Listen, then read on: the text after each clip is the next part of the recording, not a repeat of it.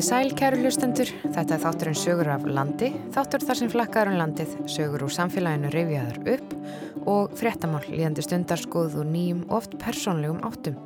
Ég heiti Gíja Holmgistóttir og með mér í þessum þætti eru þau Rúnarsnær Reynisson og Margret Blöndal. Í þessum þætti þá munum við fjalla um Eiða Brunan 1960 og skoðum merkilega ljósmynd á síldarminjarsafninu á Siglufyrði. En við hefjum ferðalag okkar á Suðurlandinu þar sem hún Margret Blöndal er á ferðinni í fyllt söðfjárverndarinnar. Bandur hugsi vel um erðnar um söðburðin söðfjárvendin.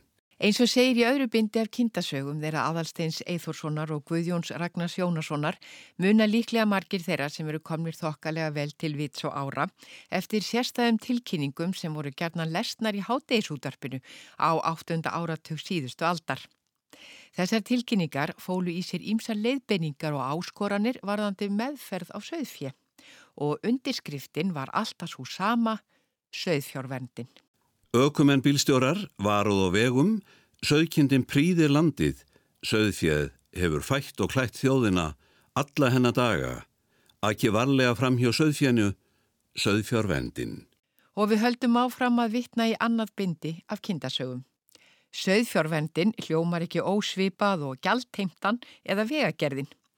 Einhverju þjættbílisbúar hafa sjálfsagt fussað yfir því að hér væri landbúnaðamafían að sóa skattpenningum almennings með því að setja ríkiskontor undir einhvern framsóknarhjassan.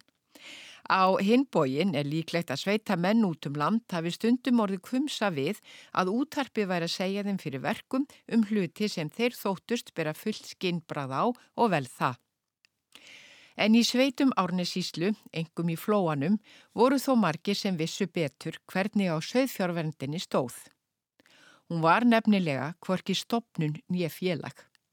Söðfjárverndin var bara einn gamal maður á selfossi sem varði ellilaununum sínum í þessar útastilkynningar. Hann hétt Jón Konráðsson og hann var ekki einusni framsloknamaður.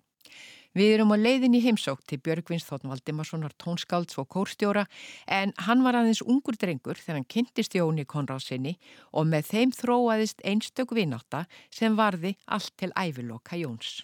Já, Jón Konráðsson, það var mikill merkismadur. Já, hann uh, fætti sér skafafyrði, ólstæður upp, var fallaður, annað fóturinn stýttri og mjöðmyndnar sköttuðist nú eitthvað við fæðingu en hugur hans nýri hann langaði að verða bóndi og stemdi alltaf að því. Fórum mér í bandarskólan en hann gata bara ekki út af föllum sinni. Og síðan þá hérna mentar hann sig. Það var nefnilega velmentaða maður. Og hann e, fór í kennaraháskólan tók kennarapróð þar utan skóla það því hann alltaf komst ekki upp tröfnda sko gamla kennaraskólanum. Og síðan var það líka e, söðlarsmiður og þá hérna hann ætlaði sko að, að hérna og byrjaði búskap ásnæðviðsnaðisi en varð frá eða bara varð að hætta við það og þá flýst hann á Selfos og fer að kenna þar e, í sveitunum þarna kring Villingursepp og, og líka á Selfos það var langur gangur þarna e, þar sem hann gekk inn í húsi hans og þá tók hann krakkana þar og kendi henn þar í þessum gangi og svo hann var bara mjög fjölöfu þegar hann var að kenna, hann kendi ekki bara að rekna og, og, og skrifa og þetta allt saman og lesa, heldur hann kendi líka söng og hann kendi meðal annars, meðal annars glímu. Högsbræður lærðu glímu hjá hann þannig að það voru miklu kappar sem að fengu svona fyrstu, eða tóku fyrstu tökinn hjá hann þannig að hann kom mjög víða við og hann stopnaði til dæmis ungvænarfélagið Vögu fyrir Vilgónsrepp Þannig að þetta var mjög fjölhæfur og, og skarp greindur maður. En hvar, hvernig kynntust þið? Já, það var nú eiginlega þannig að í gegnum móðu mína, þegar móðu mín flist ásand mömmu sinni og, og, og fórstu föður á Selfors, að þá hérna leiðjaðu hjá Jóni. Húsið hans var svona tvískipt, þannig að hann bjóð í öðrum hlutanum og síðan leiðan alltaf út hinn hlutan og þau legðu þarna um tíma hjá honum. Og þá myndast náttúrulega mikil vinskapur við mömmu og ömmu og, og síðan kynist mamma, eh, pappa og þau fara að búa þarna á Eira við 12 sem er bara næsta gata. Jón bjó sem sagt í smáratóni 1 og það eh, myndaðist þarna mikilvæg vinskapur og pappi og mamma bjóð hann oft heima að borða og, og kom svona í kaffi og annað. Og það var til þess sko, svo lendir Jón í því að hann lendir í veikindum í kringu 1964 og þá, hann, þau voru það alvarlega, hann var að leggjast inn á spítalan, sjúkur á Suðurlands. Og þá hvetur mamma mig til þess að fara heimsækjan og ég bara drými og heimsæki gamla mannin og ég man svo vel þetta verið kæðan verið herbyggjarnir í kjallarum virkaði volað dimt svona. Og ég heimsóta þetta á spítala Og hvað varstu gamall þá? Þá hef ég verið 8 ára gamall því ég byrjaði heimsækja og það var ekkert annað Jón eh, hérna hétt því ef hann næði hilsu og kæmist heim aftur að þá alltaf að að hérna, eh, nýta alla sína krafta eh, fyrir söðkindina. Þannig að hann stóð svo sannarlega við það og þá sagt byrjar okkar vinskapur í rauninni þegar hann kemur heim og, og fer að skrifa greinarnar og auglýsa í útvarpinu og svo framvegis. Smalamenn Íslandingar hundbeitið ekki kindur, sínið söðfja ávall nærgetni í allari umgengni Setið ykkur í spór kindarinnar, söðkindin er fingerð og viðkvæm söðfjörvendin. En veistu af hverju hann hétt á söðkindina? Nú er þetta á þeim árum sem að kannski mun fleiri eru að heita til dæmis á strandakirkju og annað slíkt. Já, þetta er nákvæmt til þess en á þessum árum þá átti söðkindin svolítið undir höggasækja en hérna þannig að það getur vel að hann náttúrulega var stemdi alltaf eins og ég sagði að, að því að verða bóndi. Og einhvern veginn vegna hefur söðkindin svona staðun og næst. Þannig að hann, hann hérna ákvað þetta.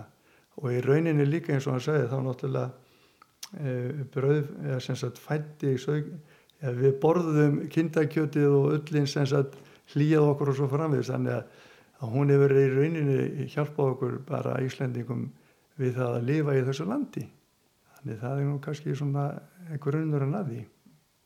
En hvernig þróaðist svo ykkar vináta? Já, það þróast þannig að ég fer að heimsækja hann bara nánast daglega þegar hann kemur heim og ég hafði nú mikið áhuga tónlist, sérstaklega á svona kóra tónlist, átti sigubæstæki og tók upp úr útarpin og lustaði mikið á kóra á þessum tímabili og, og langaði mikið að læra hljóðfæri og ég sá að Jón átti orgel en það var ekki til neitt hljófæri heima og ég svona vissum að það hefur nú haft sitt að segja. En börn á þessum tíma voru nú frekar óframfæri með að við krakka í dag þannig ég hafði mér nú ekki til þess að byrja með að í það að byggja um leifi að fá að spila. En svo kom að því að hann spurði mig hvort ég kynni eitthvað lag á orgeli og ég sagðist þá kunna að spila hérna og Jésu bróði besti meinuputta. Já, já, og ég gerði það fyrir hann og upp úr því að þá fór ég bara að fá að spila reglulega hjá hann og síðan náttúrulega fór ég að kaupa inn fyrir hann og ég skúraði til dæmis líka fyrir hann og þóði af hann stund og sokka hann og svona. Og svona þannig að þetta þróaði smátt og smátt. Og þá maður geta þess að Jón átti mikið að nefnilega kindum þó hann, þó hann væri nú ekki bóndi en hann gæti alltaf fundið leiði til þess að gera hlutin á annan hátt. Og hérna hann eh, hérna vingast við marga bændur í Ánisíslu og það var svona upp úr því smátt og smátt þá fór hann að byggja um að taka einu og einu rollu fyrir sig. Þannig að eh, Kitta Mýru var með ég tvær og svo framfis þannig að þetta var um allarsíslu og og hann var svolítið klókur af því að hann vildi ekki sko, hann vildi helst gefa eitthvað móti. Og þá uh, hérna uh, fór hann að hafa samband við búðirnar á Selfossi. Attabúða, Dattabúða, fleiri búðir og spurði hvort að hann geti ekki fengið afgámsblöð og það var eiginlega mitt hlutverk að fara í, í búðirnar svona fasta þess að byrja með að sapna saman blöðunum. Og svo vafði ég henni saman og hann skrifaði á miða sem ég setti svo utanum og fórum við þetta á mjölkubíla þannig að þetta var svona meðgjöfi með róllunum Það var að senda bændum dagblöðin? Já, já, hann var náttúrulega, það má geta þess að hann var gríðarlega mikill jafnaða maður og hérna á þessum árum var hann umbóðsmaður, ég held ég var rétt með það fyrir allsíðublaði og ég bar það út um tíma og hann var nú alltaf að reyna kristna, kristna mennsko, stundu kom fyrir að hann hitti frú og fór að senda mig með blöð til þeirra og, og spurði, spurði það svo þegar hitti, hitti hann sko, hvernig líka nú framhaldssagan þá var hann að reyna að koma að bræði að kaupa blaði sko. Þannig að hann var ansi klókur. En hvernig fór þessi kratabóðskapur í alla framsóknarmenninda í árnistingi? Það fóð nú bara vel í þá sko. En það var hann ekkert mikið að ræða pólitík við og það var aðalega bara sveitin.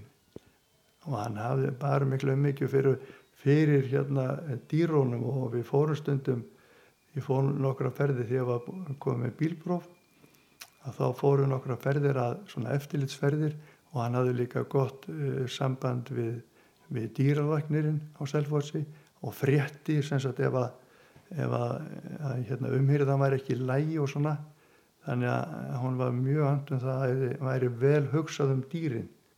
En segið mér aðeins meira frá e, þér og músíkinni heima hjá Jóni.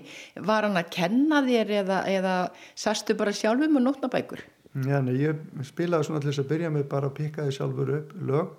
En hann spilaði svolítið sjálfur og hann kendi mér kendi mér nokkur lög.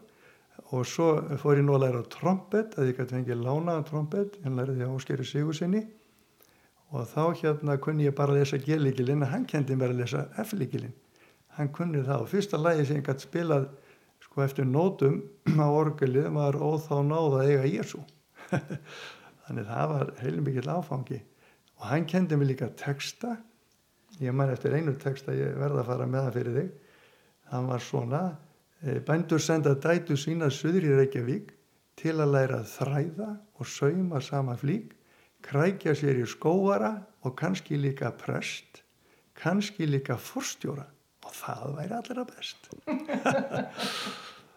en, en, en hvernig var lífið þarna heima hjá hann? Já, það var, gæti verið glætt á hjalla sko, málið að það er svo, þetta tala um gestina sko, að hérna hann náttúrulega eh, var mjög spenntu fyrir það að bændunni kæmi á hvati á það til þess að heimsækja sig, að hann langaði að fá fréttir úr sveitinni.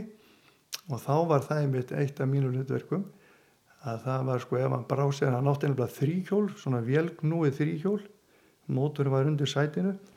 Þegar hann þurfti að vera í bankar annað þá spilaði ég orgelið og hérna þá, og þá var það mitt hlutverk að taka á móti bændunum ef einhverjum væri að heimsækja hann sko. Það var ofan að fyrir, fyrir bóndanum á meðan að við varum að býða eftir að Jón kemi heim.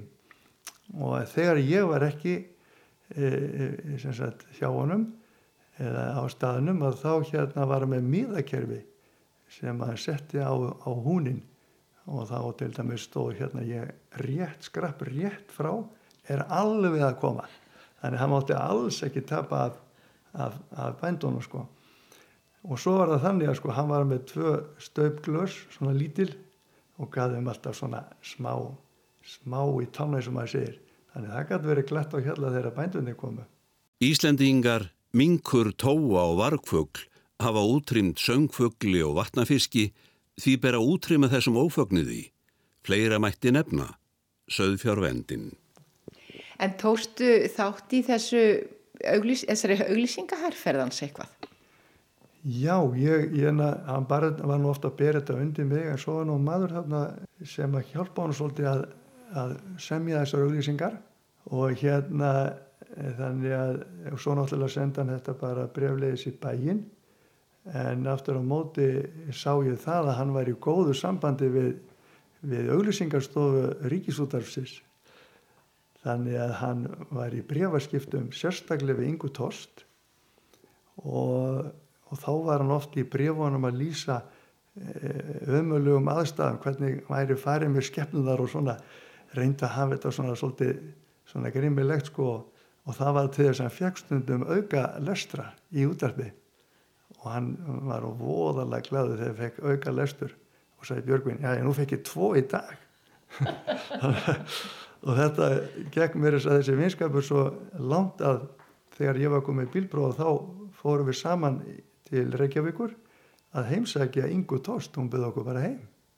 Þannig það var mjög skemmtileg, skemmtileg ferð. Þannig að hann hefur verið sangkallað svona eftirlæti auðlýsingadildar.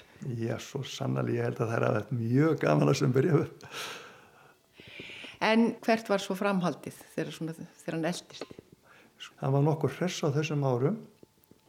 Síðan svona, hann, hann dónu á 1986 en eh, svona kannski 5-4-5 síðust árum þá var hann komin á spítalan á, á Selfossi.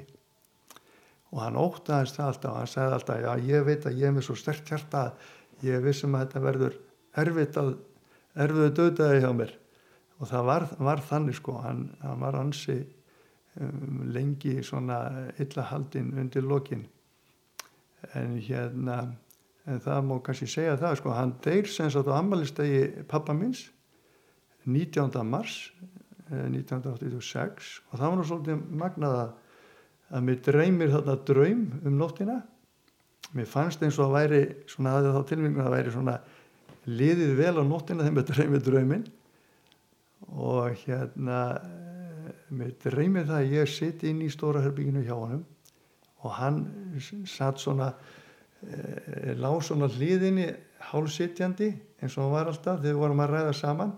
Og alltaf með hvít potlag á höstnum og útarpið var á mill okkar það var mjög stort útarstæki og ég sæti í stólnum. Og við vorum að spjalla saman.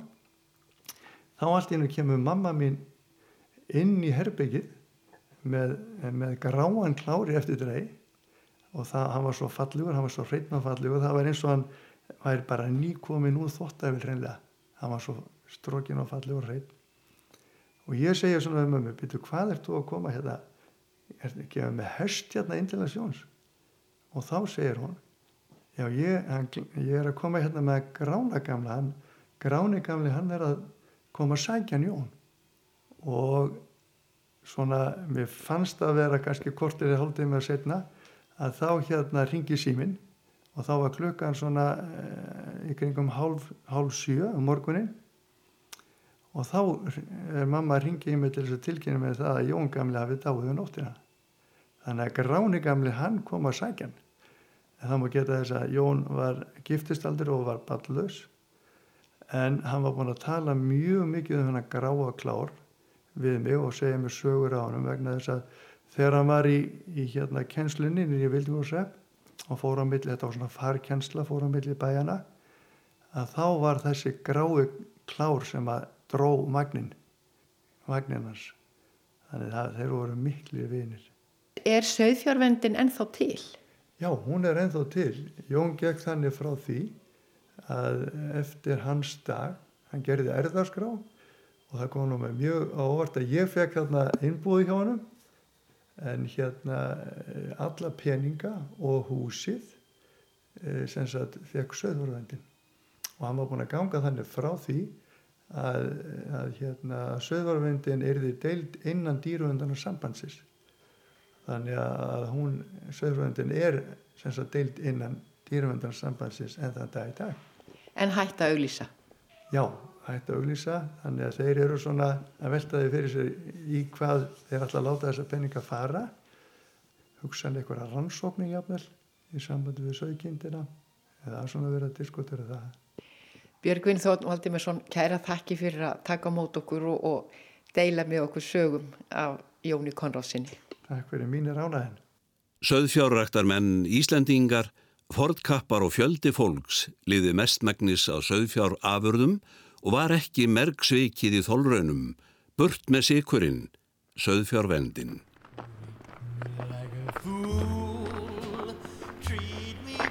Frá söðfjárverndinni höldum við til Siglufjörðar og kynnumst lífi síldarstúkna í Róaldsbrakka. Það er sapstjórin Aníta Elafsen sem tekur á mót okkur og hún byrjar á að sína mér ljósmynd af nokkrum síldarstúlkum í kójum sínum. Á að sjáum við inn í eitt svörnmálbyrgi á Róaldsbrakka og við sjáum fimm stúlkur lyggja í sagt, tveimur kójum, fjórum rúmstæðum, eh, efri og næri kójum með borð á milli sín og það eru allar svo fínar ímest með rúlur í hárinu eða nýbúnar að, laga á sér hárið. Um, og það er hérna dúkur á borðinu og, og eitthvað svona sem þær greinilega hafa haft á borðinu, saumaskapur og eitthvað fleira og það sem ég finnst fyrst og fremst sko skína í gegnum myndinu er bara gleði, þær eru alltaf svo gladar Já, þetta er bókin Siglufjörður ljósmyndir 1872 til 2018, 100 ára afmæli bæjanis. Já, við gáum hana út hérna í 100 ára, eða tilefni 100 ára kaupstæðaramalis, Siglufjörðar mm. og þetta er auðvitað langt frá því að vera fullkomi sögu yfirlitt yfir sögustæðarins en við teljum okkur svona að ná að skapa rauða þráðin í sögunni og hún er svona eins og sér e, byggir upp á því að hver opna getur staðið sjálfstæð. Það er sérst ljósmynd og texti. Og við reynum að fara svona, eða horfa eins við og við getum. Þannig að það er ekki bara að vera að horfa síldina heldur bara allt mannlífið hérna á staðnum í gegnum tíðina. Það er náttúrulega mikil vinskapur myndast uh, hjá fólki sem að já, bjóð svona þröngt og náið og það hafa talað um það sérstaklega konu sem byggur hér í Róvaldsbrakkanum um, hann var þá reyndar kallaður Ísfyrðingabrakki svona í setni tíð þegar að húsi var í eigu Ísfyrðinga og það er á að tala um það sko, þetta voru konur á öllum aldri, bæði ungar og, og fullorðnar. Og svona þessar sem voru orðna full, fullorðnar þær hafi svolítið verið í svona ákveðnu móður hlutverki, þær hafi passað upp á þær borðuðu nú og passað upp á þær kem ekki á sengt heim og mhm. -huh. hvert þar væri nú að fara mhm. -huh. og þannig að þetta hafi hérna verið allt mjög svona vinalegt Hérna eru þess. Hérna þess að dásamlegu ljósmynd af þeim í kójunum og það var vist þessi litla flaska hérna sem gerði allt vittlust hjá fórundrónum. I will spend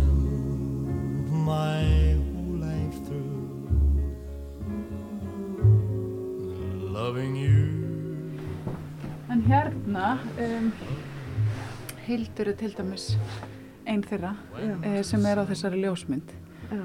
og það er rosalega gaman að líta hérna í kójuna og síðan sko tók ég ekki eftir því fyrir en ég lagðist í hana það er eiginlega helmingi meira því að það er líka búið að skrifa sko upp í botnin á efrikójunni mm. það er ekki bara hérna veggjónum Já, en getur þú lesið svona sumt sem stendur hérna á veggjónum fyrir mig? Já, það er alveg augljósta hérna tónlistin hefur, hefur verið mikilvæg og, og hérna hefur verið mikil hlusta þannig að hérna sjáum við brot úr sönglaga textum og, og titla á lögum. Það er One Night With You You Are My Only One I Love You og svo framvegs e, þannig að maður sér þessi miklu áhrif og eins ef þú kíkir hérna undir þá e, eru þess að fleiri nöfn. Já, er náttúrulega að kíkja. Og að sjá það er nú verið notalegt Já við uh, Hjörtur Já, auður og um, Ég skil svo illa þess að skrift. Já. Maður þarf að rýna í hana. Ditta og Fríða og... Ditta og Fríða og, og hér er Nonni, Maggi og Nonni, Ditta og Fríða. Já, já, já, já. Það hefur þetta verið voðalega gaman hérna. Já. Hmm. En þessi, þessar kójur eru ekki stórar. Nei, það er það ekki. En alltaf jafna sko gáttu að vera tvær í hverju kóju. Já, lágu til fóta. Þessna eru hérna þess vegna eru tekningarnar og, og skrifin Já, begja vegna Það eru, eru begja vegna Já, það voru tvær kvæð Herbergin eru alls ekki stór Nei. en hérna hafa verið tólf síldarstólkur saman yfir sumari í þessu herbergi til dæmis Á vöktum þá? Já, svona vöktum og ekki vöktum. Það er í rauninni sko það er voru bara kallaðar til vinnu þegar að skipin komið að landi. auðvitað. Og svona bjöku ekki við það að vera í eiginlegri vaktavinnu, heldur bara stóðuður við kassana og meðan það var sílt uh, en það komuð við þetta fyrir að síðan var bræla eða lítil veiði og þá voru allir hér að býða eftir, eftir kallinu en þetta var svona algjörlega ólíkt því sem að til dæmis týðkaðist í síldarverksmiðum hjá þá körlum fyrst og fremst og þar var unnið á vöktum mm, en það var eitt af því sem kom til dæmis fram í þessu viðtölum sem ég tóka það verðist sko ekki einu sinni hafa verið neitt tiltökumál að vinna í meira en 24 klukkutíma samflitt. Spurðu það reyla allar sko hvað var lengsta törnin og þá var reyla allar sem svöruðu því að svona já eitthvað á annan sólaring. Bara þótti ekkert svakalegt tiltökumál. Þannig að það og bara og líka sko þetta uh, spurði það svolítið út í sko þreytuna og bara kom þá ekki til greina að kvíla sig kannski næsta dag, sleppa einum degi og, og einhvern veginn voru svörin öll svona á sama veg og bara það kom ekki til greina því að það þurfti að bjarga verðmætum úr hafinu. Það voru allir greinlega meðvitaður um það hvað síldin var dýrmætt og úr henni þurfti að framlega afurðir til þess að selja erlendis og skapa þjóðabúinu tekjur og virðist hafa verið einhvern veginn bara svona sameigilegt átak allra að, að hérna, leggja sitt að mörgum til þess að bjarga verðmætum úr hafinu. Já. Og síðan er mitt hérna lýsing eh, konu frá Ísafyrði á lífinu í Róvaldsbrakka en hún hérna bjó hér í húsinu Já. og hún segir okkur leið alveg indistlega, það var gott að vera hérna maður hafði alltaf með sér myndir af heimann af sínu nánasta og hengdi inn í kójurnar hér var mannmart og fjörugt stundum. Þetta var alltaf eins og ein fjölskylda. Ég minnist þess ekki nokkuð tíma eh, að hafi að, að það hafi verið neitt hafari inn á milli fólksins. En það var hægt að munnhöggvast annars lægið annars sagði þetta og hins sagði hitt. En þær vildu passa þær sem yngri voru, gömlu konurnar hérna í brakkanum, að þar væri nú ekkert út á lífinu. Það var alltaf spurt hvert þú væri að fara og hvenar þú kemur heim. Það var passa vel upp á mann. Já. Og þetta er hún Ingi Björg Sigurgerstóttir frá Ísafjörði sem að lýsa þarna lífinu í Róald Sprakka. Hún er eina af þessum stúlkum á myndinni. Hún er reyndar ekki á myndinni. Hún er ekki á myndinni. Eh, en hann örlugur mm. tók við hann að viðtal sko fyrir ansi löngu síðan uh, sem er til hérna á kassettu hjá mm. okkur tæknin var nú ekki komið lengra en það á þeim tíma og mér fannst það mjög skemmtilegt þegar ég líka hlustaði á þetta viðtala mér fannst örlugur svolítið svona kræfur í spurningunum. Hann spurði hann til dæmis bara hvernig, hvernig þær hefðu hátta því svona fyrir þær sem áttu kærasta og vildu mm. fá smá næði til, a, til að kela. Og hún, það var ekkert flóki hún sagði það var bara samið um það. Hún fekk bara herbyggið í hálftíma, klukkutíma við hinn bara fórum í gangutúri eða eitthvað. Þannig að það var greinlega, voru greinlega engin vandamál sama að hverju það sneri Það var auðvitað mikil ást hérna á síldar árunum Það var mikil ást og mikil romantík og það er einmitt líka það skemmtilega eh, sem að hérna og það náttúrulega sko skinnja við sterkast í þessum persónlegu frásögnum. Eh, ein kona að vestaninn mitt sem fann sinn mann á síldarbáti fyrir austan eh, þá var hún að sagt, salta þar. Eh, hún sagði mig til dæmis að, að þeir sjómennir sem voru að landa á planinu þar sem hún var að salta hún sagði þeir voru svo falleir, þeir voru svo flottir og þeir voru alltaf í terlinböksum og lakskóm þegar voru að landa. Þannig að það eru svo rosalega skemmtilegar margar sögur fólks af lífinu. Og síðan auðvitað bara þetta mikla félags- og tónlistarlíf. Eh, það kom fyrir að hér voru böl sjö daga vikunar, það þurfti ekki að vera förstu dags eða lögudarskvöld endilega til þess að vera sleið upp alli og líka er rauninni bara mm. ótrúlegt að fólk hafi fundið orku í, í félagslífið, í dansin og bölin og romantíkina eftir þessa lungu, lungu vinnudaga vikum mm. saman En maður skilur nú kannski fóröldrana þegar þið sjáu þessa pilsner flösku þetta var nú kallað svona, hvað, sódóma já, já. Eh, norðursins eða hvað var þetta kallað áttur? Sódóma Íslands er svona eitt Íslands. af þeim viðurnefnum sem að staðurinn hefur fengið en á móti þá hefur hann líka verið kallaður bara frægasti síldarstaður í heimi og klondæk Allandsafsins og svo framvegis en að fólku þetta hafði misjafna skoðanir en maður sér svona þessa ádeilu svolítið í gömlum bladagreinum um sollin og syklufyrði og lífið hérna á síldarárunum og, og það er svona kannski skín helst í gegn þar sem fólk svona er að láti ljós skoðun sína á, á félagslífinu í kringum þennan mikla yðnað síldina Já. en e, svona mín tilfinning af því að hafa auðvitað verið bæði hér á safninu lengi, grúska mikið og tala rosalega mikið við fólk mm. allstæðaralandinu sem tók þátt að romantíkin hún var sannlega til staðar að sko kannski gerir fjallaðum fjöllin blá og allt það eins og maður segir í minningunni en fólk einhvern veginn yðurlega fær einhvern svona glampa í augun þegar talar um þessi ár og tíma sinn í síldinni hvort sem það er á syklufyrði, rauvarhöf, seyðisfyrði eða annar staðar og fólk talar um það, þetta er eitthvað svona tímabill sem er algjörlega ólíkt nokkru öðru sem það hefur upplifað á lífsleginni þannig að lífið í síldinni virðist hafa verið algjörlega einstakt mm -hmm. síðan heitir maður auðvitað líka fyrir bara einstakka konur sem fannst þetta hundleðilegt, fannst aldrei gaman að salta síld en gerði það því að það var, uh, það var kannski svona tiltölu auðvelt að fá vinnu í síld. Það þurfti svo mikinn mannabla og margar hendur og ég hef líka hitt fyrir sjómenn sem voru óhefnir og fóru á verti þegar það var engin veiði og komu ekkert sérstaklega þjáði, hérna, vel fjáðir heim í lók sumars. En svona yfirleitt og alla jafna þá hefur fólk einhvern veginn mjög svona stórar og miklar og góðar minningar af þessum árum. I'll always be loving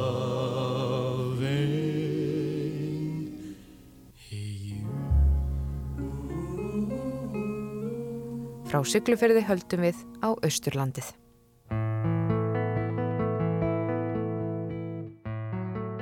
Miðvíkudagurinn 29. júni árið 1960 líður íbúum á eigðum seint úr minni. Þennan dag var mjög gott veður, sólskinn og stafa logn í þessu mentasetri Östurlands en á eigðum var alþýðu skólinn. Um tíuleitið þannig að miðugudags morgun var skólinn mannlaus, allir nefndur komnir í sömafri.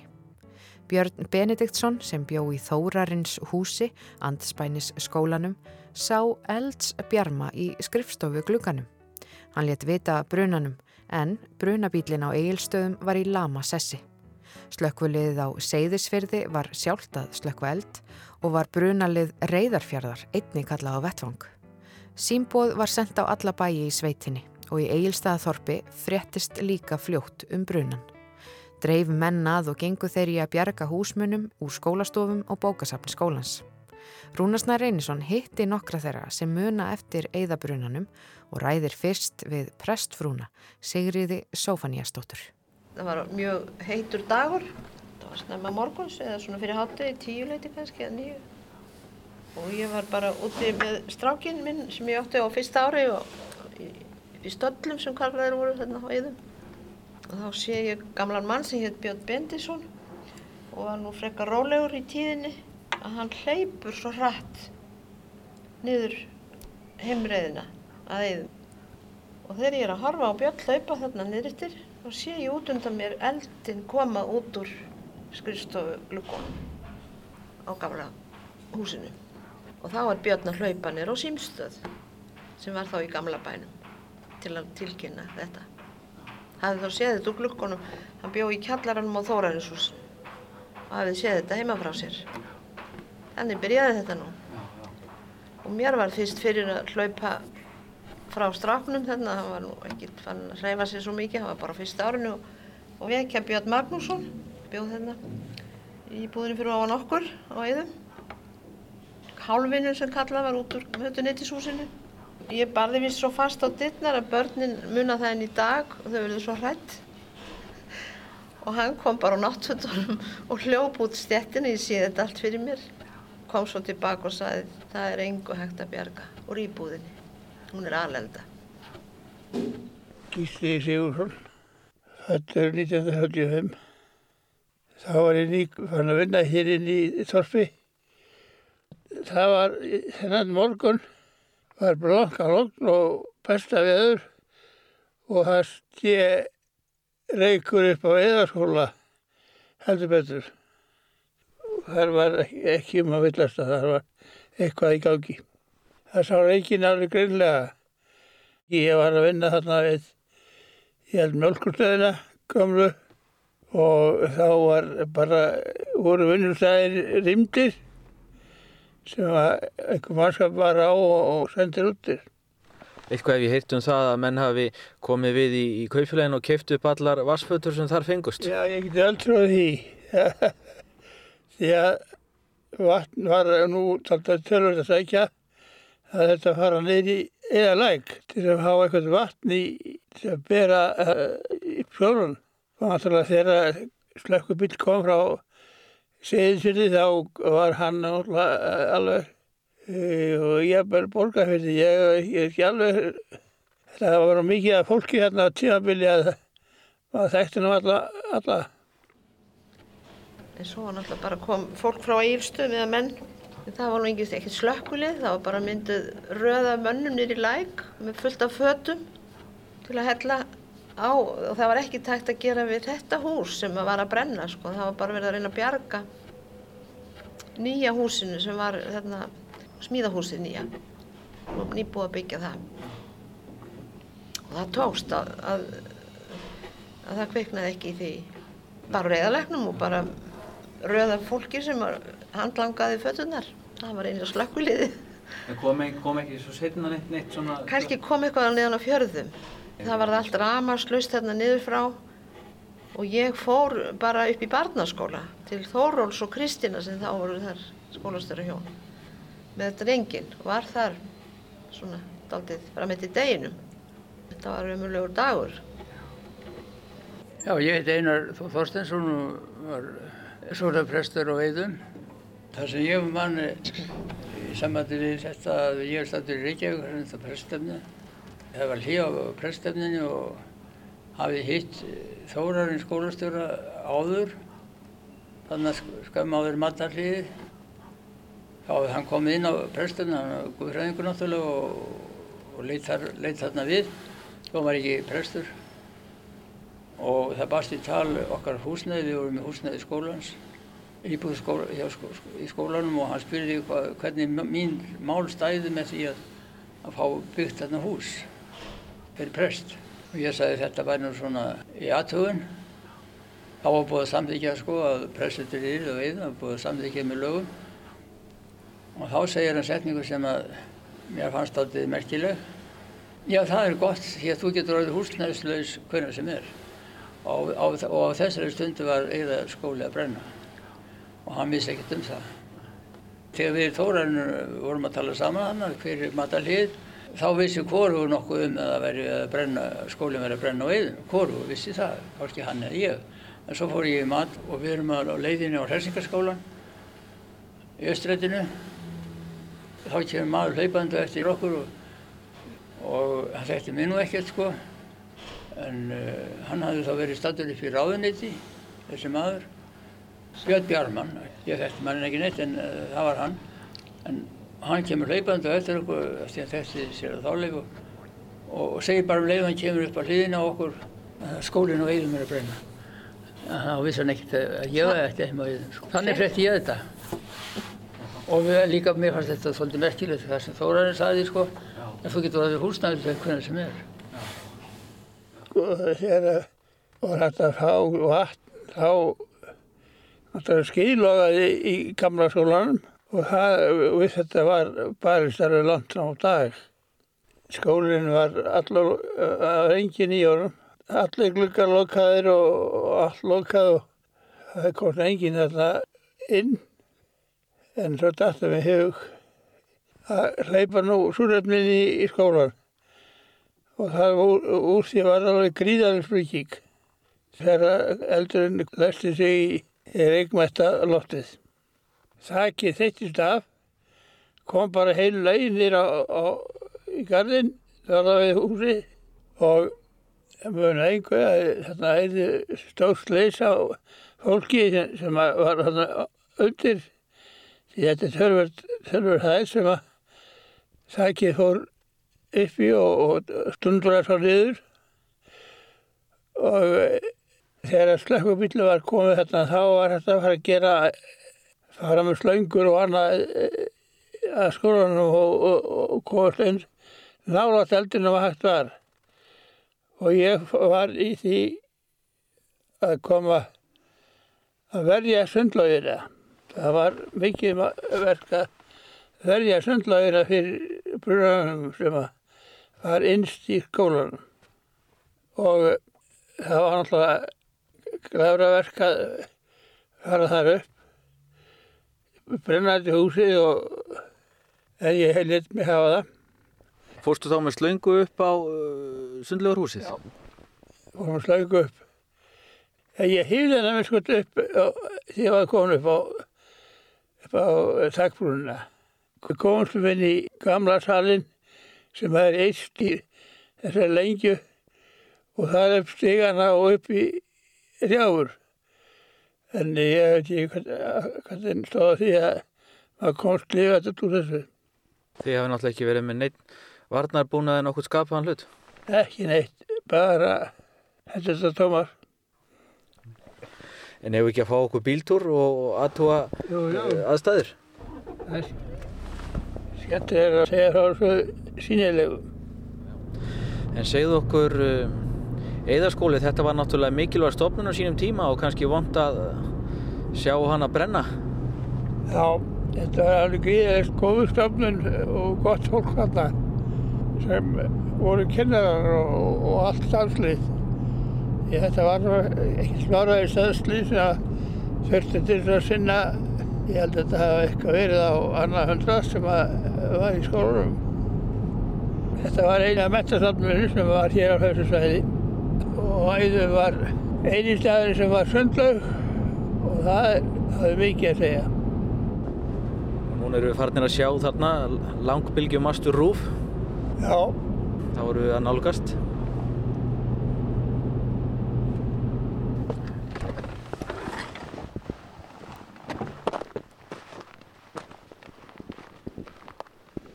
Þá eru við komnir. Já. Og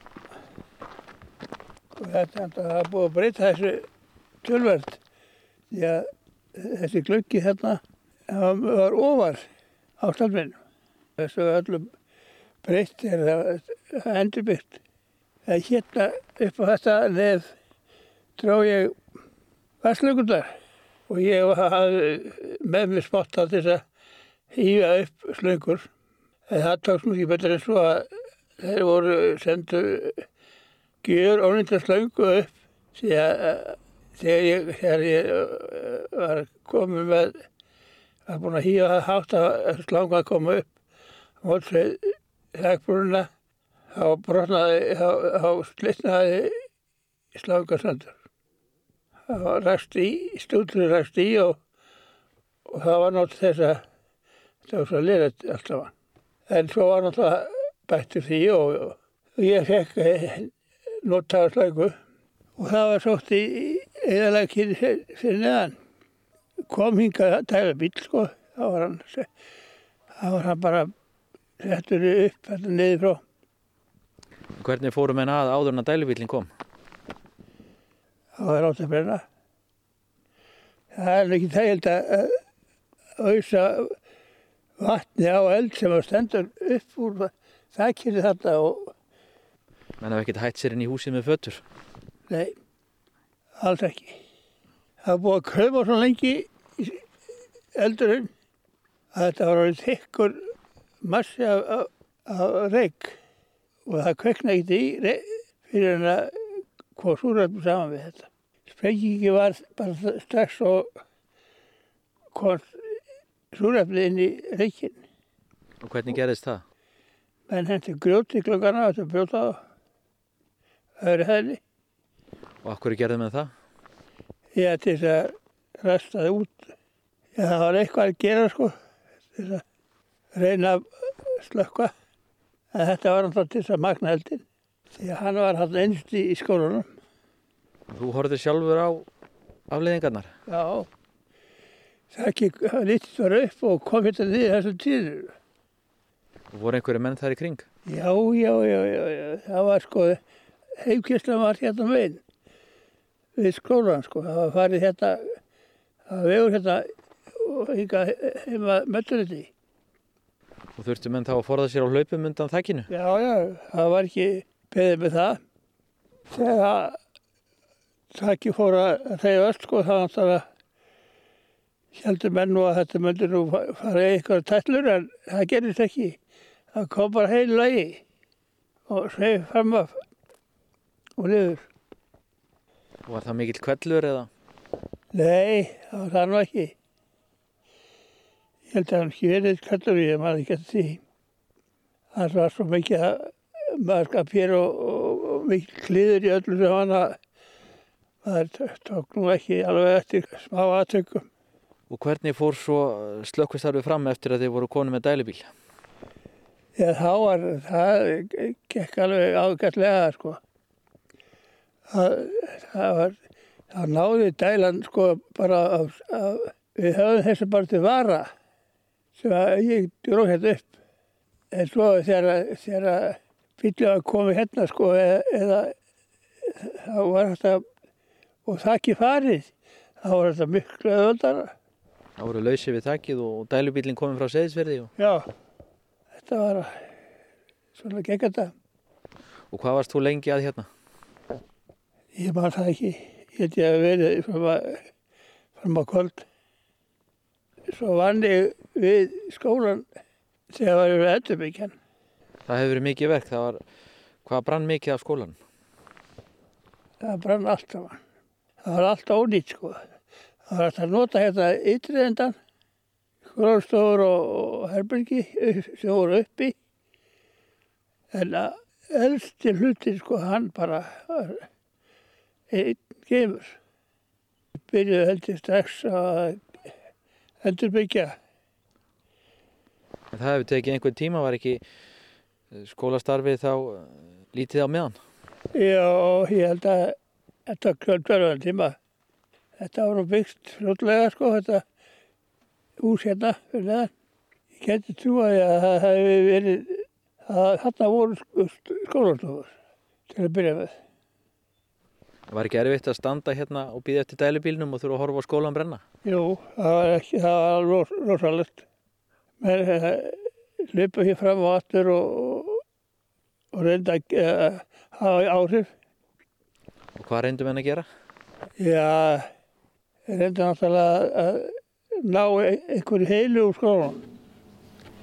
Svo þusti náttúrulega fólk þetta að og var færð að bjarga út úr út úr skólastofunum.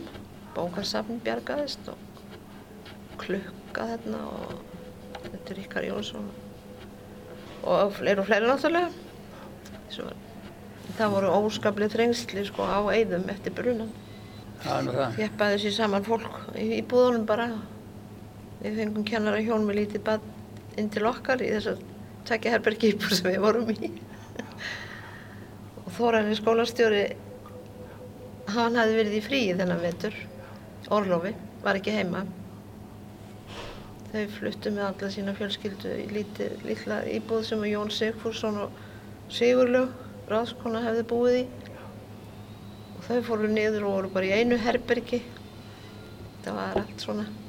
Að Þórarinn vildi endilega halda á hann skólanu sko alveg full, það var ekki átti ekki að fækka nefndum Nei, nei, nei.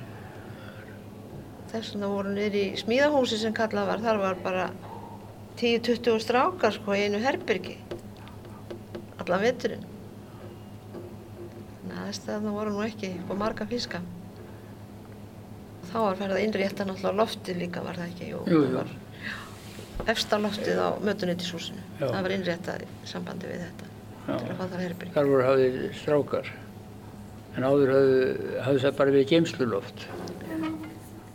Má ekki segja að það hafi verið mikil mildi að enginn hafi farist hérna og að skólinn skildi hafa verið tómur. Já, það er alveg stjórnmildi. Og þarna brann þá skólastjóri íbúðinu og herbergi nefnda. Já, já. Og er eitthvað vitað um eldsöptök? Já, það er náttúrulega gett gætt verið það. Hérna. En það, það var steikjandi sólskinn þennan morgun. Þeir sem bestu spáði þetta svo það hefði verið stekkur að gleiti glöggarnum sem var á móti sólu til að magna og kveikt eldin í pappirum. Já, alls það voru pappirar. Gísli Sigursson, þakka að kella fyrir spjallið. Já, er lítið. Þarna heyrðum við um Eyða Brunan 1960. Fram kemur í Eyða sögu Helga Haldurssonar og Skúla Björns Gunnarssonar að í brunanum eyðilöðust íbúð skólastjóra næstum allar kennslustofur og meira en helmingur heimavistar herbergja.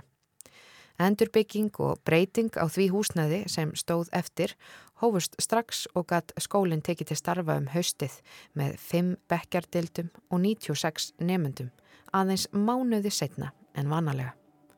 Og þar með komið að lokum í sögumalandi í dag.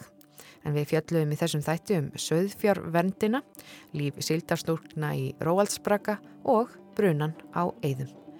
Tæknimaður í þessum þætti var Markus Hjaldarsson. Við þökkum þeim sem hlýtu lifið heil.